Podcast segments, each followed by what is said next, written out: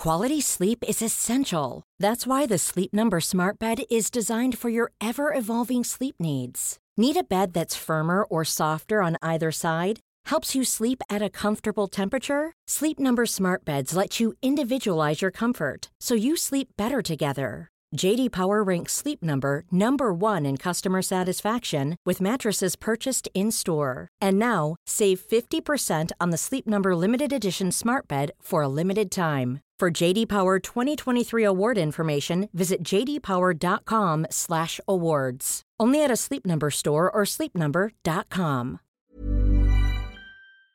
Den här veckan så har vi ett betalt samarbete med Synoptik och deras glasögonabonnemang Synoptik All Inclusive. Ja, det är ett tryggt och bekvämt sätt att ha glasögon där man kan kombinera med eh, solglasögon och linser och där all service ingår som fria glasbyten när din syn förändras, otursskydd om du klantar till det. Ja, vet du vad Måns?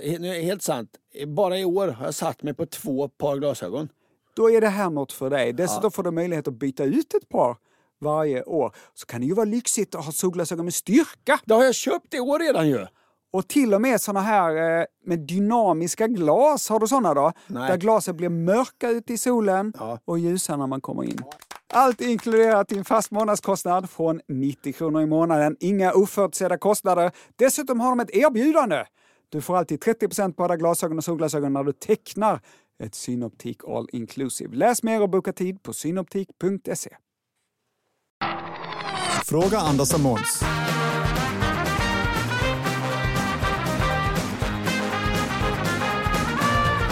Redan där bryter vi för vi har fått brev Måns från Emil. Hej världens bästa Anders och Måns. Jag inser till min förskräckelse att ingen har skickat in en hårdrocksversion av introt till podden. Med vänlig hälsning Emil. Nej, då var det väl dags.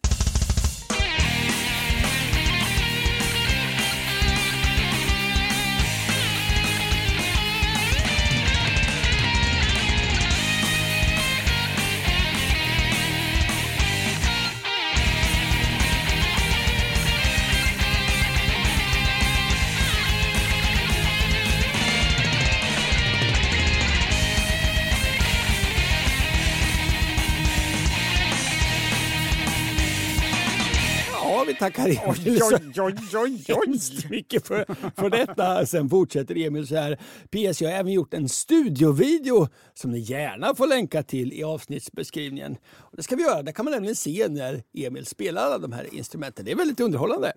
Jajamän, med det varmt och hjärtinligt välkomna till podden Fråga Anders Måns. Podden som svarar på lyssnarfrågor med dig Måns Nilsson. Hur är det med dig? Tack, det är rätt fint. Du sitter i bara överkropp som vanligt. Du är ganska elegant tycker jag i din ljusrosa hud. Själv så mår jag också ganska bra. Har det hänt något sen vi såg senast? Ja, det har det verkligen. Oj, vad spännande. För ett år sedan nästan exakt vann vi Mensapriset. Ja, och jag var uppe i Sundsvall och tog emot det och höll ett litet tal som blev alldeles för långt och var på en fest med massor människor som var, de var, det var ett gäng heliga nördar. Ja, som du och jag. Mm. Och nu blev vi inbjudna att föreläsa på deras årliga medlemsdagar. Du var bortrest, men jag tackade ja. Mm. Och jag visste inte riktigt vad jag skulle snacka om, men å andra sidan tänkte jag att det kommer väl inte dyka upp så många personer på just mitt snack. Jag kollade i deras program Ja. och de hade så många andra aktiviteter som lät tusen gånger roligare. Jaha. Prova på aikido, Oj. alltså sl- slå varandra med pinnar. Ja. Mjödprovning, simulerad och verklig flygning, skillnader och likheter, Oj. hur man skapar ett escape room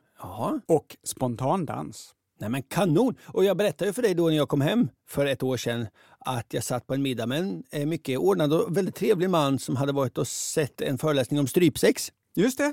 det var- de, de, de blandar och ger. Det finns Ja. massa olika Men intresseområden. med den katalogen kan man förstå att du kände ah, här kanske inte jag är mest intressant. Exakt. Jag tänkte jag pratar om Anders och Måns. Det ämnet känner jag till bättre än de flesta. Ja, Dock sämre än du, Anders. nej, Jag känner till ämnet Anders och Måns sämre än du, Anders, eftersom jag inte kommer ihåg ja, något. absolut. Du kommer ju inte ihåg vad vi har gjort de senaste 30 åren. Nej. Nej. Jag gick dit och var inte särskilt nervös. Nej. Tills jag kom in i rummet. Mm. Det var över 500 personer Oj. och då gick det upp för mig att det här är ju inte vilken publik som helst. Nej. Det här är ju de 500 smartaste personerna i hela Sverige! och ska jag prata inför dem? Nej. Åh. Ja, ja. Jag äntrade scenen på skakande ben. Oj. Men det visade sig att det var den trevligaste publik jag någonsin haft. Jag hade inte behövt förbereda något för de räckte upp och ställde frågor i en timme. Den timmen kändes som den gick på 20 minuter. Det var supertrevligt. Ja. En sak de gjorde var att hetsa mig att Nej, nu är jag jättenervös. Det här var hetsat. de hetsade mig att ta... Av, inte ta av dig bara överkropp va? Nej. det här har varit jättekonstigt. Ja. De hetsade mig att ta testet. Mensatestet? Mensas IQ-test. Aj, aj, aj, aj, aj, aj, aj, aj. Om du har en högre IQ än 98 procent av Sveriges befolkning så får man vara med i Mensa då. De sa så här, vi har det uppställt. Du kan göra det nu direkt. På scenen? Nej, eh, utanför i något rum. Jaha, Det ja. tar bara en timme. Oj, Så jag... ehm, du gjorde det? Ja. Så jag... eh, Ja, det. Ja, ja. Så jag gjorde inte testet. jag vill inte ha svart på vitt att jag inte platsar. Nej. Hellre lever jag i villfarelsen att jag kanske möjligtvis eh, hade kunnat få vara med om jag hade velat. Eh, Hetsade de dig att göra testet när du var uppe? När frågan dök upp, absolut. Ja. Men jag har ju gjort sådana här småtest på nätet. Jag är urusel på det där och räkna ut vilken eh, kombination av prickar ska vara i ruta fyra. Alltså jag är superdålig. Jag gjorde inte testet. En annan sak som hände på föreläsningen. Jag fick stå till svars för en del saker vi lovat i podden. Och kan det vara det här med världens sämsta växt? Att jag, eller kan det vara det här med tågresan som aldrig blev av? Det... Tydligen har vi lovat ett specialavsnitt om gaslighting. Oj, det har du gjort, inte jag. Jag sa som det var, att det avsnittet har vi redan gjort och sänt. Nej, så, så var det ju inte. Det avsnittet har vi redan gjort och sänt. Men det det pratades mest om var såklart tågresan. Hur blir det med tågresan? När blir den av? Jag fick stå till svars för något som du lovat i podden Anders, att chartra ett festtåg. Fråga Anders och Måns partytåg. Ja. Jag tycker fortfarande att det är en bra idé. Jag råkade fråga hur många i rummet som hade följt med om det här blev verklighet. 500 armar sträcktes genast upp. Alla som var där. Åh, är fråga Anders och Måns och Mensas partytåg. Vilken jävla fest! Sen räckte en person upp och berättade att vdn för ett stort tågbolag i Sverige är med i Mensa och att hen hade personen i luren och att vdn var med på tåget.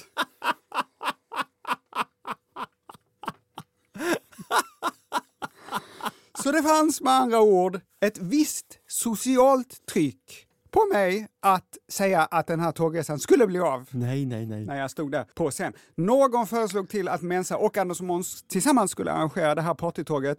Så nu Anders kommer jag ge dig kontaktuppgifterna till den här tåg-VDn. Underbart. Och så får du dra i det här. Nästa sommar gör vi det. Mm, ja men du, du får börja dra i det nu direkt. Ja, ja. Mm, Ja. Nästa sommar gör vi det. Vad har hänt dig sen sist? Du vet, jag bor ju en ganska stor del av mitt liv i Stockholm numera då min käresta eh, bor och verkar där. Jag har till och med skaffat eh, en del av en lägenhet där. Och det är härligt. Är det smidigt? Nej. Jag har ännu inte skaffat mig en cykel i Stockholm så jag åker väldigt mycket sån här elsparkcykel. Vid Mariatorget i Stockholm så går det en bilväg liksom runt torget.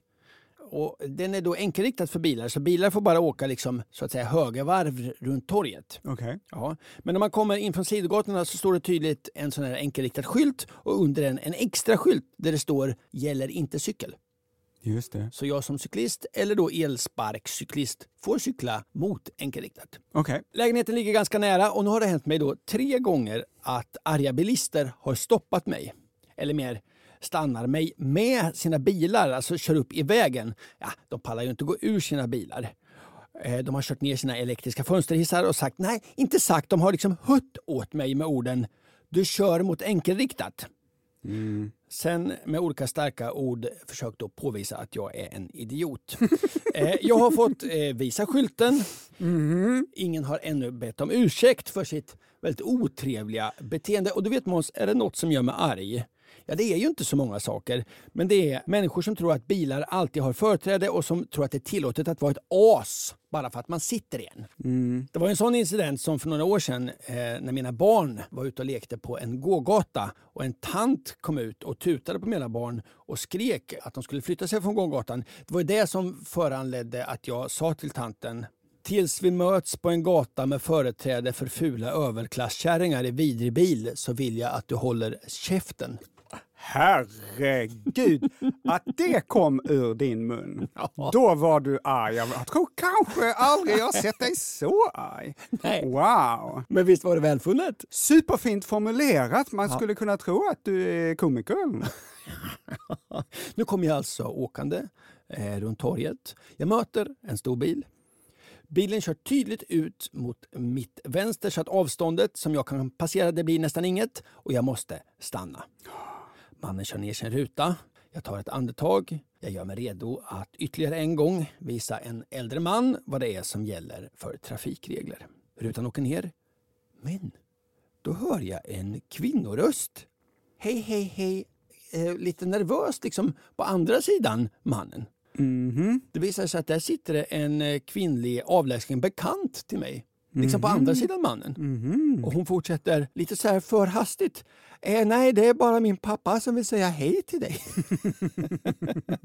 Pappan han tittar på mig och ler. Men du vet, han ler så där som man ler när man är arg under leendet. Men han säger liksom inget. Kvinnan och jag eh, känner varandra mycket lite. Men hon fortsätter också väldigt försiktigt. Ja, hur är det med dig? Pappan verkar inte alls vara intresserad av mig. Jag får liksom väldigt lätt att formulera den ungefärliga dialogen som har skett i bilen precis innan vårt möte i bildörren. Mannen har varit arg, okvädesord om idioter som kör mot enkelriktat. Hon ser lite för sent att det är jag och hon har precis hunnit sluta säga stopp, stopp, stopp, det är en kompis och liksom kidnappat samtalet när rutan kommer ner och säger hej, hej, hej. Sen är det tyst. Samtalet tar tvärstopp, vi har inget att säga varandra. Nej, ja, det är också konstigt ställe att stå och småprata, liksom eh, trafiken stoppas upp bakom, folk börjar tuta och prata där. Men Jag förstår att samtalet gick dåligt. Ja, vi säger hej då. Ha det så bra. Detsamma. Och vi skiljs åt. Nu ska vi svara på lyssnarfrågor. Det är flickorna i Småland, det är flickorna från Mon.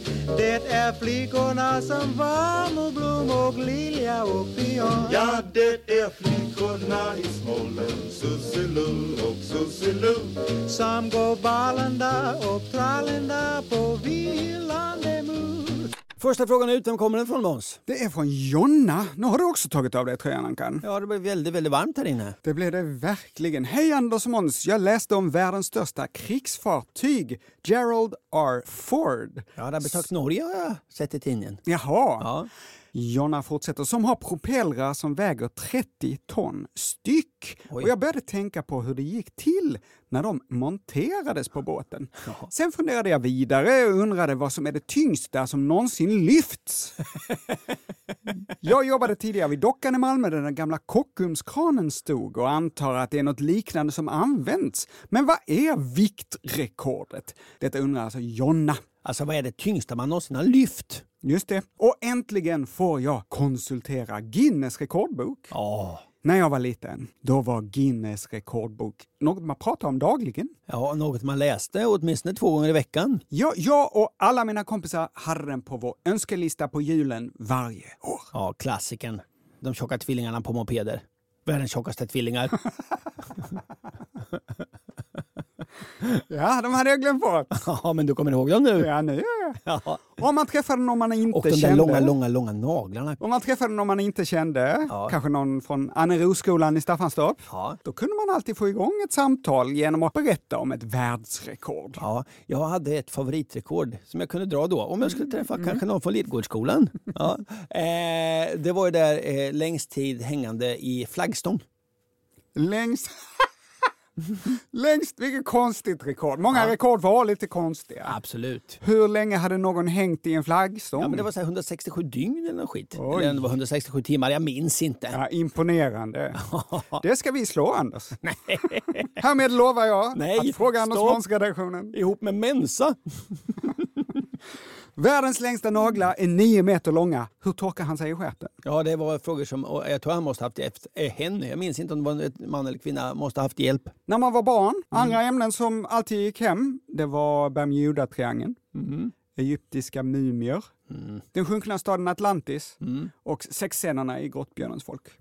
Känner du igen detta Ankan? Allt. Men engagerar dessa saker fortfarande? Jag skulle säga eh, absolut, men inte i samma utsträckning. Utbudet är bredare. Då kunde vi inte se på korta videor om hur man gör popcorn med Skittles.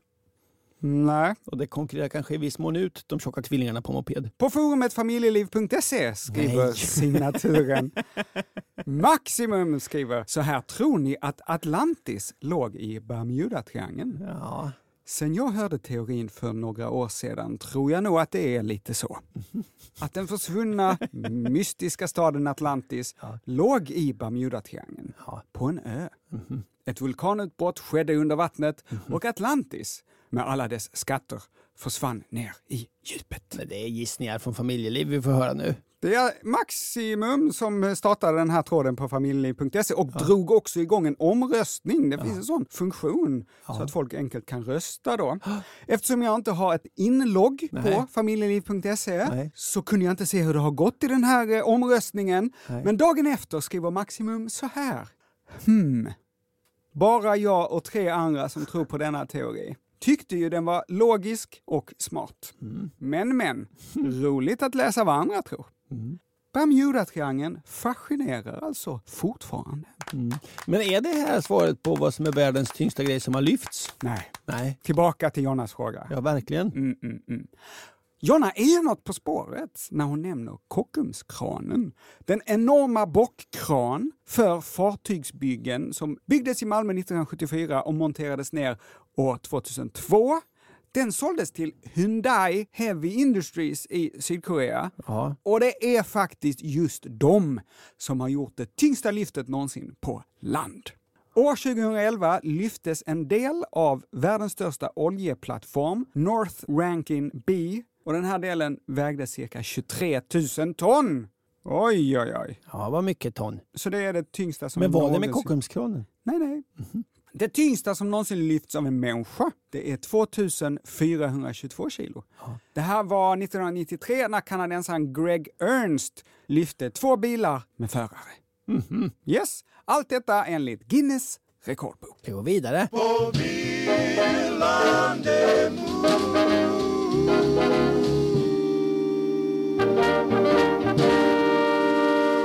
Nu ska vi prata om ett ämne som kanske inte engagerar dig alls. Mm. Du kommer förstå varför. Hej Anton och Mums. Jag är större än min storebror. Och i min umgängeskrets är även där alla småbröder större än sina storebröder. Jag upplever att jag ser detta fenomen lite överallt och undrar således om det stämmer att småbröder oftast är större än den förstfödda brodern. Och varför är det så i så fall?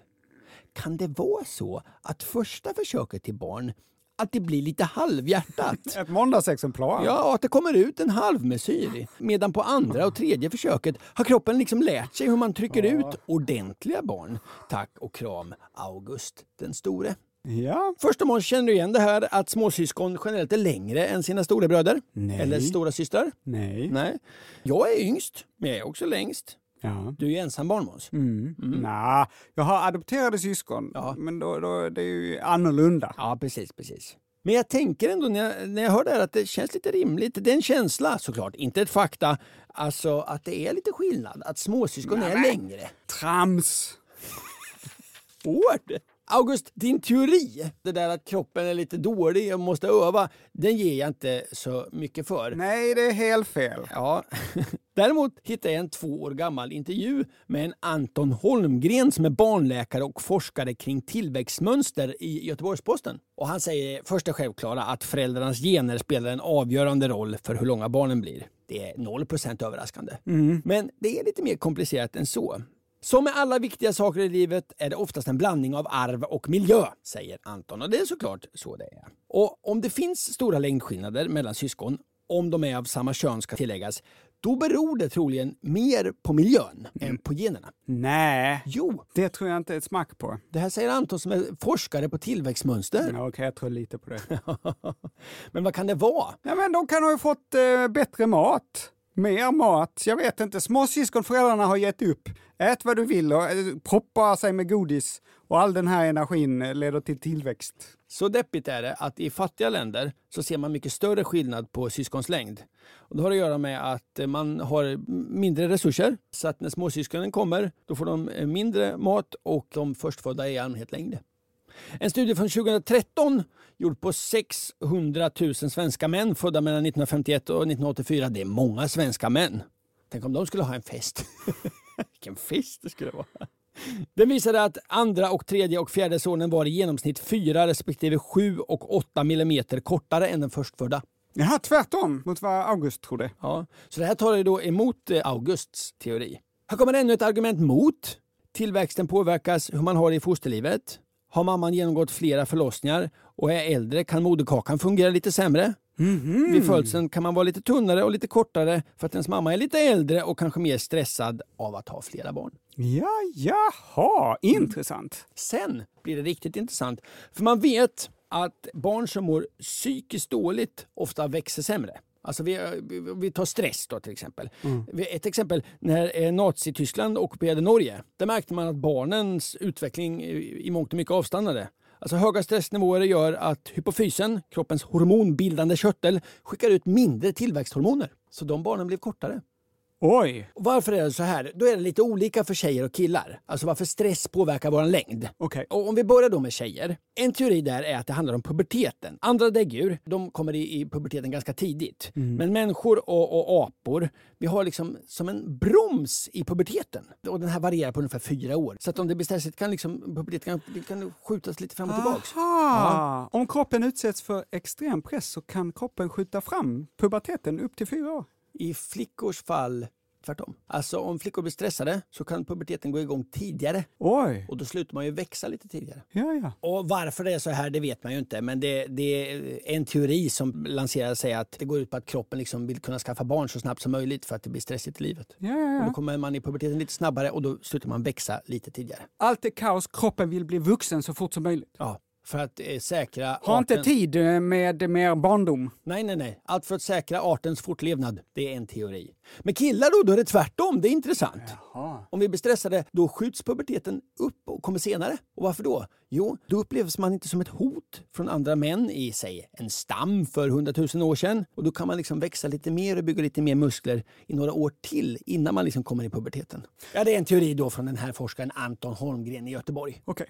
Men det är ju lite intressant det här vilken ordning, alltså vilken plats man har i syskonskaran. Ja, men det pratar folk ofta om. Och man kan se skillnad på någon som är äldst och någon som är yngst. Jag är ju äldst i min syskonskara, du Ja. är yngst. Ja, och jag tänker så här, det är klart det är en fördel att vara ung.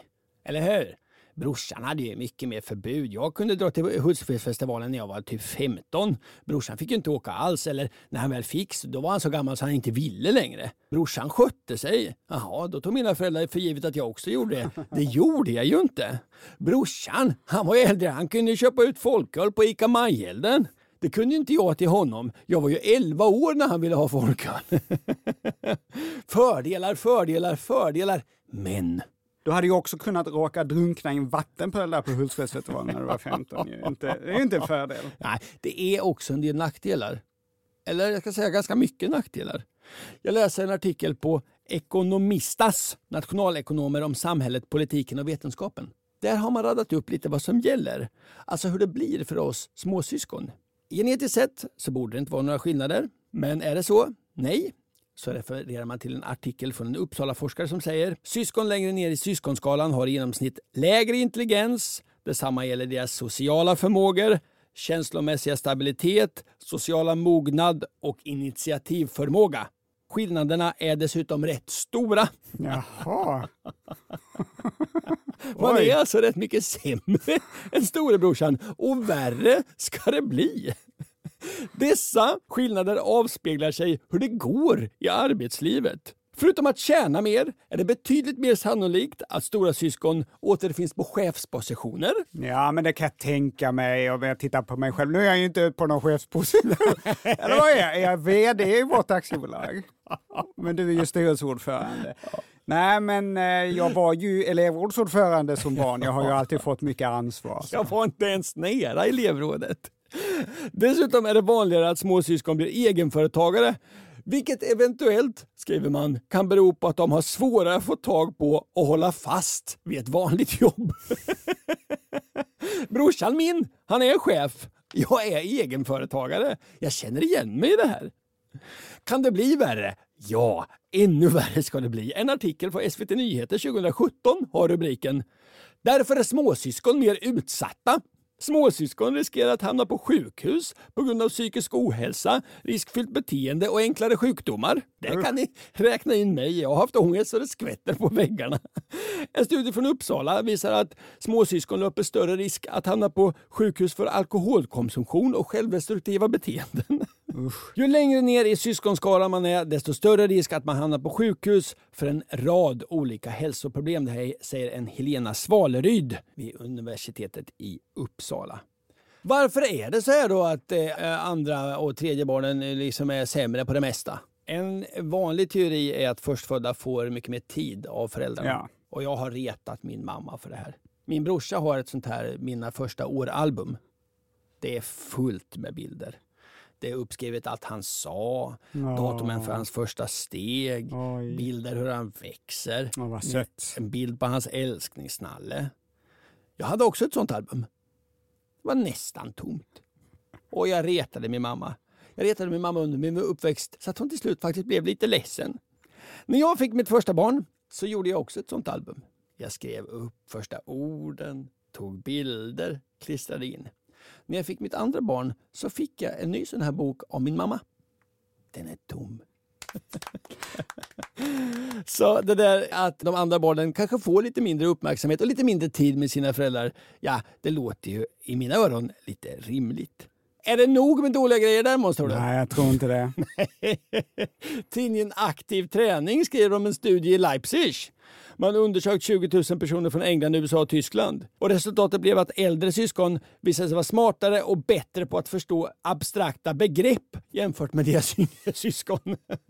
De hade också större ordförråd rent generellt. Vokabulär? Förklaringen är samma här. De har haft mer tid med föräldrarna. Vi ska sammanfatta, och nu gissar jag lite grann. August. Din teori om livmodern, det stämmer. Fast bara pytte, pytte, pyttelite. Eh, livmodern är bättre förberedd när det andra barnet kommer. Men det finns inget som säger att det påverkar längden. Det gör däremot stress, mat och framförallt gener.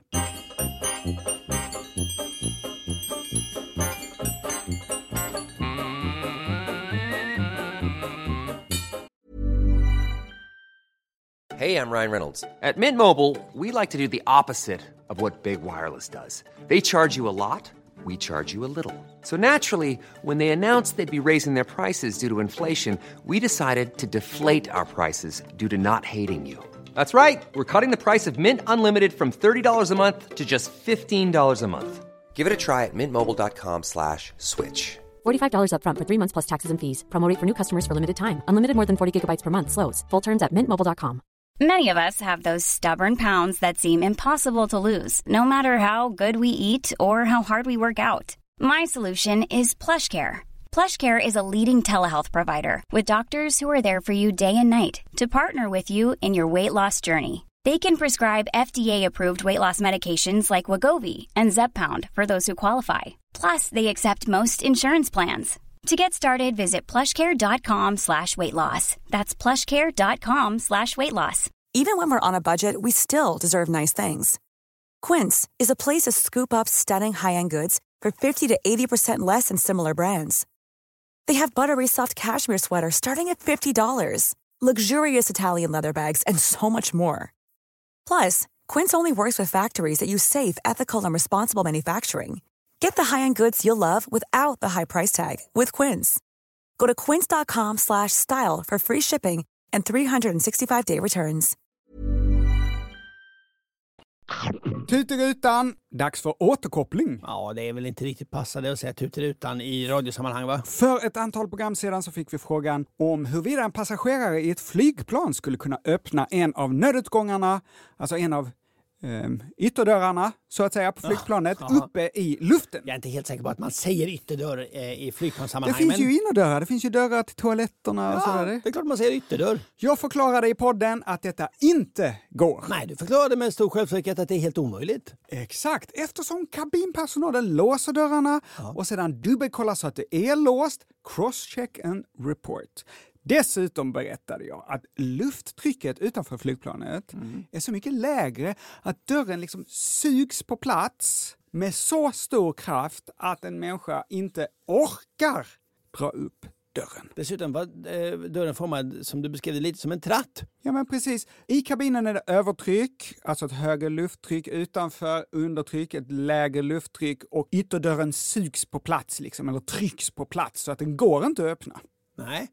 Men i veckan som gick så hände precis det här som jag sa inte kan hända. Nej, jag tror att vi har fått, eh, ja, i summa summarum, en hundra mejl med länk till den nyheten när någon har öppnat ytterdörren på ett flygplan. Just det, det var ett flygplan från Asiana Airlines som skulle landa i staden Daegu i södra Sydkorea. Många svåra ord nu. Och när det gick ner för att landa så var det en av passagerarna som hade väldigt bråttom.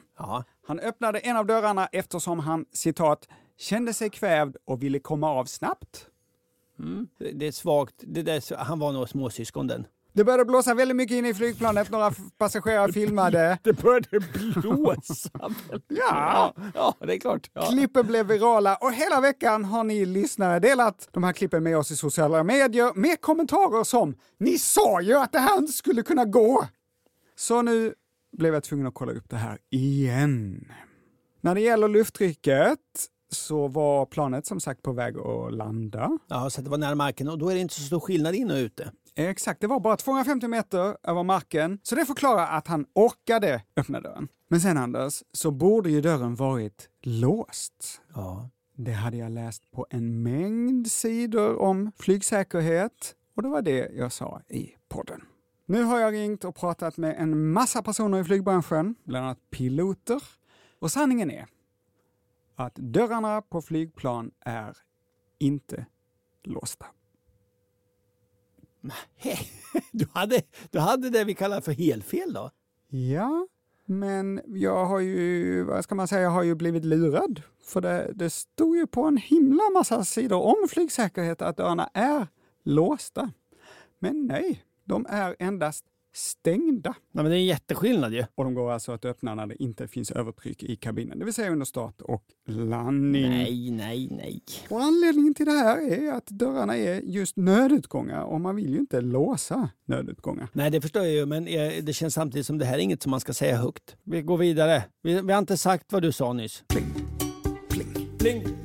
pling, åter, åter, Återkoppling.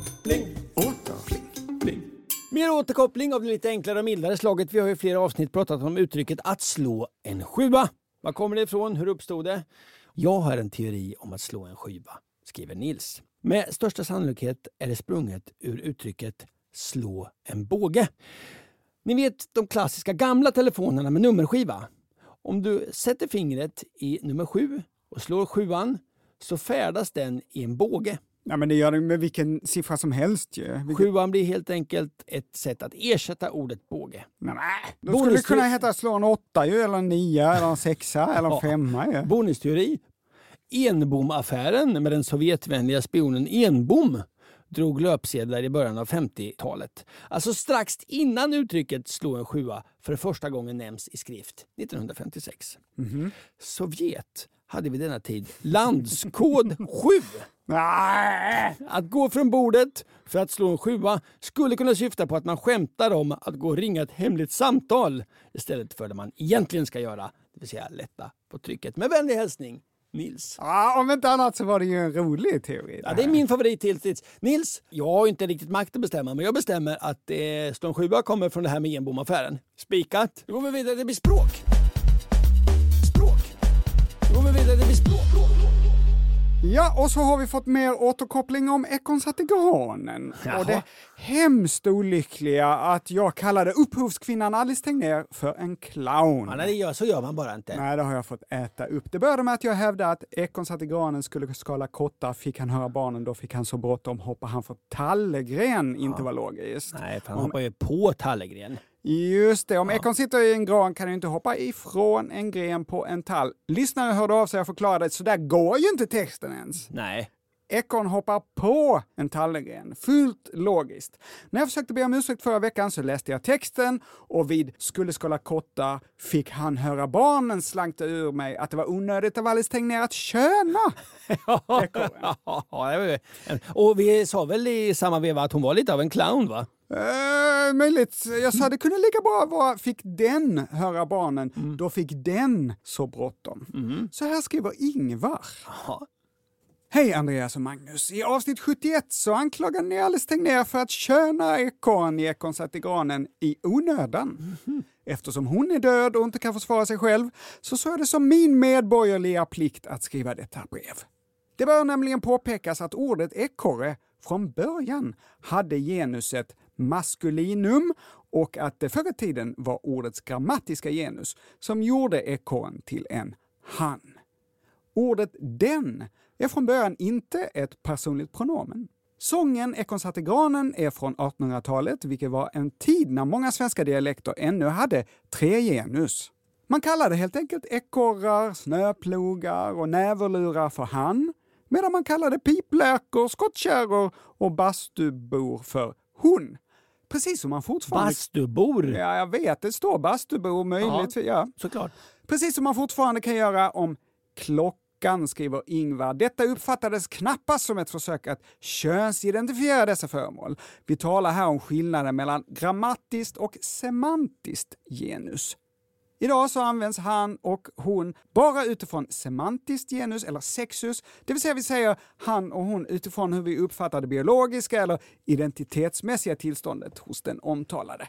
Jag vet inte om Alice Tegnér kallade ekorren för han även i sitt vardagliga talspråk. Det är svårt att veta. Men hon verkar i vilket fall ha haft känsla för ordens ursprungliga grammatiska genus. I till exempel Mors lilla Olle kallar hon även björnen för en han, vilket är grammatiskt stilenligt och knappast var något som höjde ögonbryn när sången kom ut. Vi tackar Ingvar så hemskt mycket för detta, Absolut. Att, att Ingvar redde ut detta. Med han menade alltså inte Alice Tegnér att ekorn var av manligt kön, Nej. utan det var bara så här det hette på den tiden. Ingvar nämnde klockan. Vad är klockan? Eh, Hon är kvart över två. Ja, ja. Just det. Annars kommer du på något annat ord där det här fortfarande lever kvar. Båtar. Just det, segelbåtar. Mm. Vad är din båt? Hon ligger i hamn. Just det, människan. Om en människa simmar är hon i allmänhet i vattnet. Är det så? Ja, där lever det också kvar. Jaha. Jag har också hört folk som kallar solen för hon. Hon skiner så fint idag. Absolut. Ja. Men eh, vi man måste väl ändå hålla fast vid det faktum att Alice Tegnér var en clown. Ah! Med detta hoppas jag att hela Alice Tegnér-debaclet är utagerat. Än en gång, jag ber så mycket om ursäkt att jag kallade henne en clown. Det var dumt, omoget, orättvist och fel. Ja, ett övertramp Måns. Det var det. En person som däremot var en clown, det är Astrid Lindgren.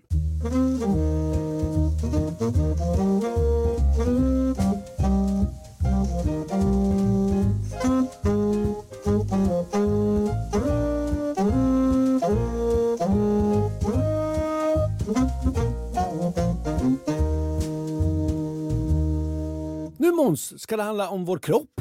Hej Anders Måns, jag kollade på Breaking Bad när de skulle operera på Mr White. Då tänkte jag på att om jag hade gjort ett sånt snitt i människokroppen hade den blött ut. Eller det hade i alla fall kommit mer blod. Varför blöder man inte under operationer? Och om man stoppar blodcirkulationen under en tid, hur överlever man under den tiden? Ja, det här var inte lätt för mig att googla Måns. Eh, Du vet, det kommer äckliga bilder på nätet och Mm. skit, att jag, det blev liksom lite svajigt i huvudet på mig. Just det, du kan ju inte se blod. Nej. Men alltså, Breaking Bad, eh, är det en dokumentär verkligen? det är det inte. Det är Men det är ju låtsas. ändå lite intressant. Hur gör man? Varför förblöder man inte när man skär upp ett stort hål i kroppen? Kom på en idé. Jag ringer min kompis Tompa. Ja. Han är anestesiläkare. Han har varit med om flera hundra operationer. Tompa, Ja, ja. ja hallå, hallå. varför blöder man inte när man skär upp stora hål i kroppen? Ja, det, det, det gör man ju i och för sig. Men eh, när, man skär, när man opererar så gör man det ju kanske lite kontrollerat. Nu har inte jag sett det här Breaking Bad-avsnittet. Nej. Men eh, de använder ju inte kniv nu för tiden. Utan man använder en, eller man använder Gaffel. en elkniv kan man säga. En elkniv? En, inte, ja, en elkniv, precis. Man använder något som kallas för diatermi. Och då, eh, dels när man skär då så, så bränner ju den här kniven alla blodkärl som, som eh, skulle stått öppna om man använde en, en vanlig kniv. Om man är som jag, är det då liksom en varm kniv? Nej, det är det inte. Utan det, det är ungefär som det eh, sprakar lite grann som en... Eh, eh, så, det, eller, ja, det, är som en, det blir som en väldigt varm kniv. Det är ju el. Du bränner med el. Jag kan inte riktigt förklara eh, Nej. på ett bättre sätt Nej, än så. men det räcker. Då tar du det liksom in och då kommer det blöda lite grann. Och då ser du hur det liksom sipprar ut från vävnaden och då kan du dutta lite på den där, där det, där det blöder och då så slutar det blöda. Det koagulerar med, med hjälp av värme. Nej, men sen när jag syr ihop det här igen då? Då, har du ju sta- då är det ju stopp där. Då kommer ju aldrig blöda ordentligt där sen. Då har man ju bränt ihop blodkärlen. Kommer de växa ihop igen sen? Ja, inte just de eh, blodkärlen, men där är kroppen fantastisk. Blodet finner sin väg på nya sätt. Så det här är ju små, små kapillärer som man skär sönder. För normalt så aktar man sig för de stora kärlen. Just det. Så man skär man genom ett jättestort kärl, då blöder det som tusan. Och då, då får man ha eh, snöre och, och trycka och tamponera och sådär. Stoppa saker i hålet för att det ska sluta blöda. Men- Ben blöder väldigt mycket jämfört. Det är dessutom omöjligt att blodstilla. Så då har man så vax man proppar igen benmärg med. Åh för att det ska sluta blöda. nu håller Ankan på att svimma Ja. här i studion. en normal operation är det inte många hundra milliliter som man blöder. Det är det inte. Då, ska du liksom, då ska du åka kapa ett kärl för att det ska blöda ut ordentligt. Men du, det här att, hans idé här om att man stoppar blodcirkulationen, det kan man väl inte hålla på med? Jo, men det kan man faktiskt. Framförallt hjärtkirurgi så kan man stoppa cirkulationen. Och då har man historiskt gjort det genom att, eh, eh alltså att man har gjort så att patienten klarar av detta genom att kyla ner patienten till 15 grader kanske. Ungefär som att du ramlar ner i ett eh, isbad som man har hört om folk som legat under, under isen i en timme och sen kommer upp och mår bra. Det är samma tanke här. De mår inte bra. tänker- De mår inte bra. Nej, de mår inte bra. Men de inte just när överlever. de kommer upp. Men det finns en norsk doktor, så jag tror hon är norsk, som har legat under isen över en timme. Hon fungerar väldigt bra. Man har bara lite tinglingar i, i fingertopparna fortfarande.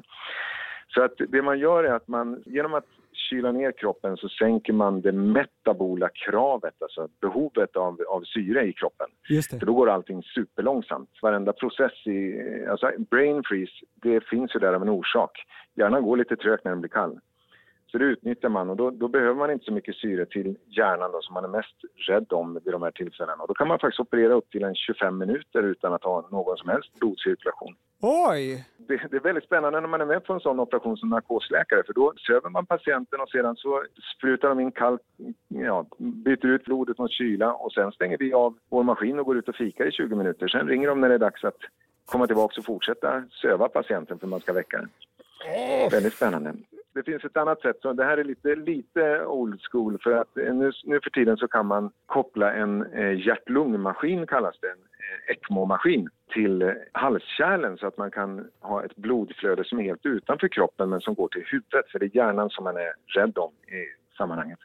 Och då kan man liksom eh, syresätta blod utanför kroppen och så pumpa in det genom artärer upp till huvudet och så plocka ut det igen från en central stor ven så att det inte kommer förbi hjärtat någon gång och inte heller resten av kroppen. Så då kan man ha helt blodstilla i kroppen och en cirkulation i huvudet. Wow! Den här lilla manicken har jag fått höra på omväg att den heter en bläckfisk. Den ser ut lite som en bläckfisk man kopplar på. Känns väldigt eh, eh, alien. Okej, så man ser till att det cirkulerar blod som man syresätter i hjärnan, men stannar man då patientens hjärta? På det gamla sättet Mm. så gjorde man så att man kylde patienten med kalla vätskor och kallt blod. Man, man kylde ner patienten och sen vid något tillfälle så får ju då hjärtat i allmänhet arytmier, det vill säga hjärtat klarar inte riktigt av den här kalla, de här kalla vätskorna. Så då stannar hjärtat. Okej. Och sen så eh, opererar man patienten och när man är klar med det hela så pumpar man varmt blod i, i patienten som är syresatt och då börjar liksom kroppens alla celler få lite syre igen för hjärtat kan inte starta om det inte har lite färskt syre i sig. Och sen ger man som en, en hjärtstartare en sån här elstöt i hjärtat och då bonk så kommer det igång igen. Ofta har det lite arytmier och sånt första minuten men sen så stabiliserar sig det efter en liten stund. Och man har ju full koll och tillgång till hjärtat när man startar det så att det brukar gå bra. Du Tompa, detta, eh, det är väl lättare att prata med dig när vi pratar punkmusik, men jag är väldigt glad att du ville berätta för oss. Fan vad jag tycker så jävla, förlåt, förlåt eh, att jag säger så om ditt yrke, jag tycker det låter så jävla äckligt. Men jag är väldigt glad för de här svaren. Tompa, du, vi hörs snart, du får ta hand om dig. Tja, tja.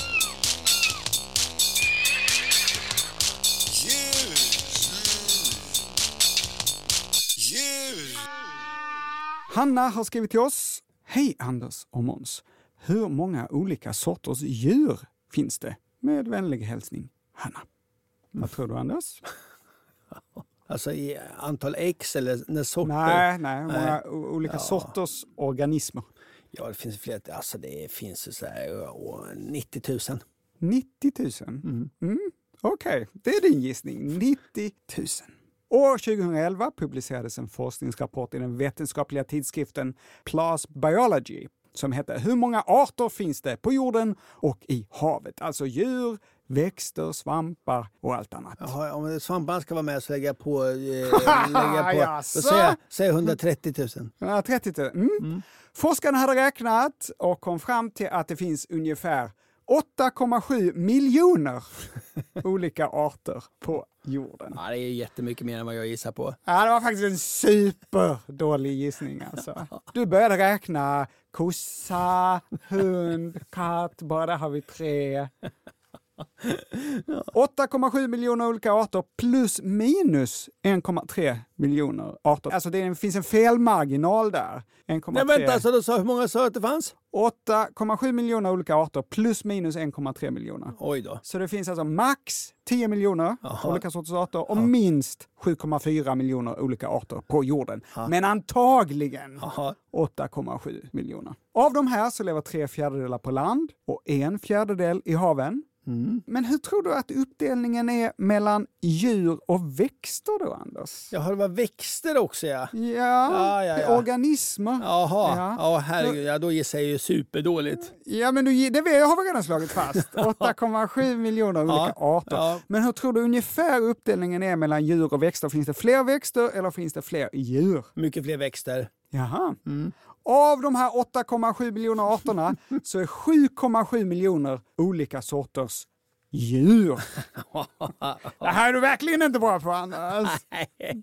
Antalet beskrivna djur på jorden Ja. är 2,13 miljoner. Åh helvete. Detta enligt Internationella naturvårdsunionen, IUCN. Vilket skulle betyda att eh, 86 procent av existerande arter på jorden och 91 procent av arterna i havet fortfarande inte är beskrivna. Ja, det är många kvar. Då är man inte lika chockad av de här nyheterna. Ny art upptäckt. Nej men precis. Vilket sorts djur tror du att det finns flest av på jorden? Bakterier. Insekter. Det finns minst tre gånger fler olika sorters insekter än alla andra djur tillsammans. Fattar du det? Alla andra djur tillsammans och ta, har man dem i ett rum och då behöver man tre rum bara till insekterna. Mm. Men sen tar ju de mindre plats. Eh, detta var bara en, det var bara, Så det är inte säkert man behöver tre rum. Men eh, okej, ja, ja. nej, det var billigt talat. Ja. Vi ska inte göra detta. Nej. Vi ska inte lova att vi ska göra detta. Nej. Då kommer Mensa jaga oss. Ja. Anders, tror du att det finns flest olika sorters reptiler eller fåglar? Fåglar. Ungefär samma. Runt 11 000 beskrivna arter av varje. Men sen finns det tre gånger så många beskrivna arter av fiskar. 36 000. Oj! Så vi känner alltså till och har beskrivit tre gånger så många fiskar som fåglar. Är detta något som överraskar dig? Nej. Anders, tror du att det finns flest olika sorters däggdjur eller blötdjur? Jaha. Alltså musslor, snäckor, sniglar och bläckfiskar. Oj, oj, oj vad svårt. Nej, det där tror jag blötdjuren vinner. Du har rätt! Äntligen fick du rätt på något. Ja. Det finns över 12 gånger så många beskrivna blötdjur än eh, däggdjur. Och Vilket är ditt bästa blötdjur? Ehm, Nej, det måste ju vara sjögurkan va? ja, men tänk alltså 12 gånger så många beskrivna blötdjur. Och då är ju ändå blötdjur kanske det minst sexiga djuret som finns att beskriva. för forskare. Alltså det vet jag inte hur forskarna resonerar, men så Nej. känner jag spontant. Ja, ja. Vill jag beskriva en älg eller vill jag beskriva en mussla? ja, men älgen blir väl snabbt paxad. Ja. Men sen fanns det ju en miljon arter på jorden som inte är djur. Och där ser uppdelningen ut ungefär så här. 300 000 arter av växter. Bara 300 000 alltså. 611 000 arter av svampar. Oj! Alltså svampar är ju inte växter och det finns dubbelt så många svampar som det finns växter. 36 000 arter av protozoer. Det var ju de här encelliga organismerna. Toffeldjur och sånt. Exakt! De som kallades urdjur förr i tiden. ja. Och så finns det 27 500 arter av kromista. Och det är de här algerna som inte riktigt är alger, som inte använder fotosyntes. Då. Så det var en genomgång av allt som lever på jorden. Ja, det får man säga. Och man kan naturligtvis inte prata om antalet djur och växter som finns på jorden utan att nämna att de dör i en rasande takt. Mycket deppigt, vi är mitt i den sjätte massutrotningen av djur och växter. Och till skillnad från de fem tidigare, den senaste var för 65 miljoner år sedan och tog död på dinosaurierna, Ja. så är denna massutrotning orsakad av oss människor. Ja. Så här skriver Världsnaturfonden. För närvarande uppskattas arternas utrotningshastighet till mellan 1000 och 10 000 gånger högre än naturliga utrotningshastigheter. Alltså graden av utrotning av arter som skulle inträffa om vi människor inte fanns i närheten. Det var allt vi hade att bjuda på idag. Det var deppigt på slutet. Här Ja. kommer lite glad musik. Ja, ligger den och pumpar lite i bakgrunden. Det är skönt, nu känns det bättre. Eh, skriv fler frågor till fraga snabel och så hörs vi igen nästa vecka. Tills dess, ha det så bra. Puss och kram!